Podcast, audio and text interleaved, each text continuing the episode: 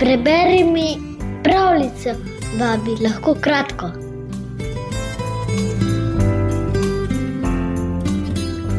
Montaro ali Breskvin sin je bil dober človek.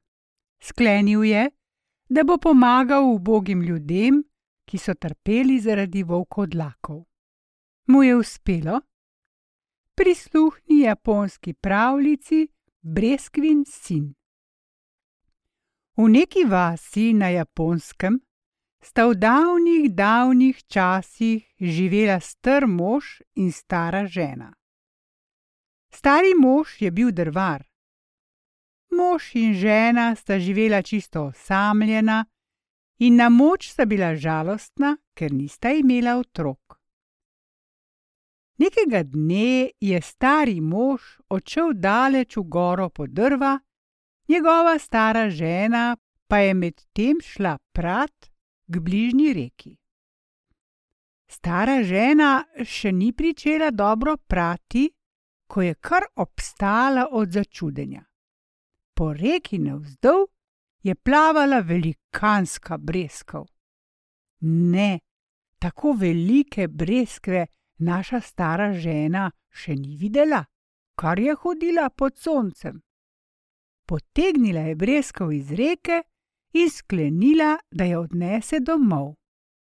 Ravno prav, si je rekla dam jo svojemu staremu možu za večerjo.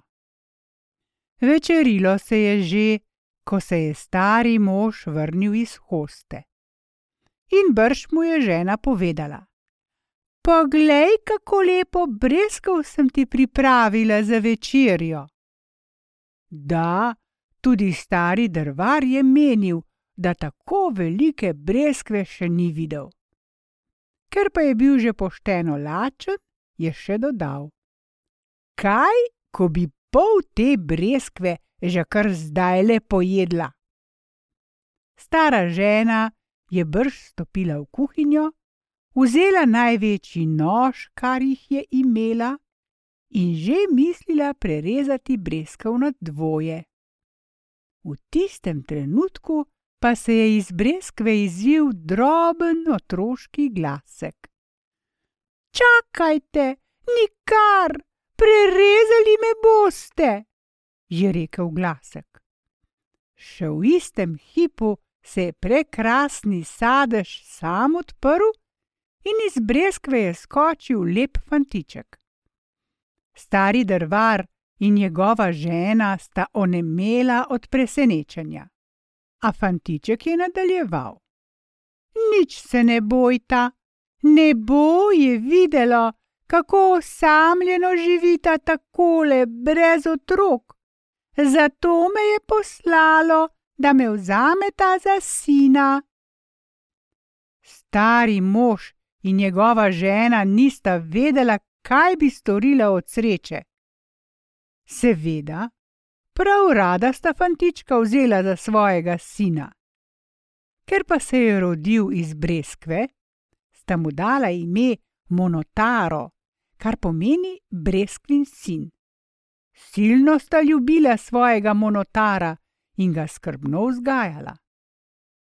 Ko je bil Monotaro star že blizu petnajst let, je nekega dne stopil pred svojega očeta in mu rekel: Oče, veliko dobrega ste mi že storili. Glejte, zdaj sem velik fant in rad bi storil kaj dobrega. Slišal sem, da je daleč sredi morja otok, ki mu pravijo otok volkodlakov.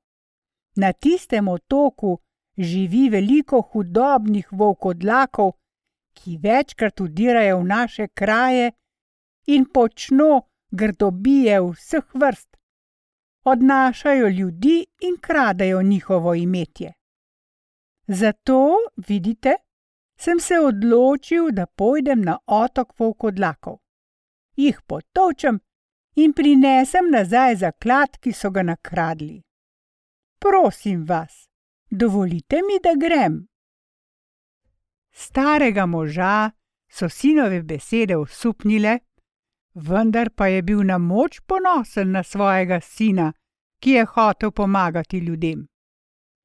Tako sta stari drvar in njegova žena rada pripravila vse, kar je Monotaro potreboval za dolgo potovanje na otok Vokodlakov. Stari drvar mu je dal meč in oklep, stara žena pa mu je za popotnico pripravila culo prosenih cmokov. In tako je Monotaro odšel na pot, svojima starima rednikoma pa obljubil, da se k malu vrne. Monotaro je hodil in hodil. Nameril se je naravnost proti morju. Da, a to je bila dolga pot. Hodil je in spotoma na lepem srečal šarastega psa. Pes je zarenčal na monotara in že ga je nameraval popasti. Monotaro pa je tedaj segel v culo in mu dal prosen smok. Potem je šarastemu psu še povedal, da se je odpravil na boj proti volkodlakom z otoka volkodlakov. Ko je Šarko to slišal, je takoj rekel, da gre z njim in da mu bo pomagal. Tako sta Monotaro in šarasti pes skupaj potovala proti morju, a ni bilo dolgo, ko sta srečala opico. Šarasti pes in opica sta se zakadila drug proti drugemu, a Monotaro je opici brž razložil, da gresta s šarastim psom na boj proti volkodlakom. Tedaj je opica vprašala, če sme z njima. Monotaro ji je dal prosen cmok in rekel, da jo z veseljem sprejmeta. In tako so Monotaro, šarasti pes in opica nadaljevali pot proti morju. Šli so in nenadno srečali fazana. Šarko, opica in fazan bi se bili že skoraj stepli. Ko pa je fazan slišal, da je monotaro namenjen na boj proti volkodlakom, je brž vprašal, če sme z njimi. Monotaro je tudi fazana pogostil s prosenim cmokom in mu rekel, naj se jim pridruži. Tako so šarasti pes, opica in fazan, ki se navadno sovražijo, postali dobri prijatelji. Zvesto so sledili Monotaru, ta pa jih je peljal v boj proti volkodlakom. Hodili so in hodili, in na zadnje prispeli do morja.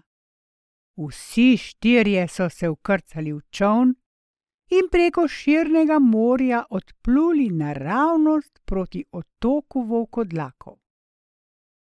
Ko so se približali otoku, so takoj opazili, da imajo Vokodlaki silno utrjeno trdnjavo.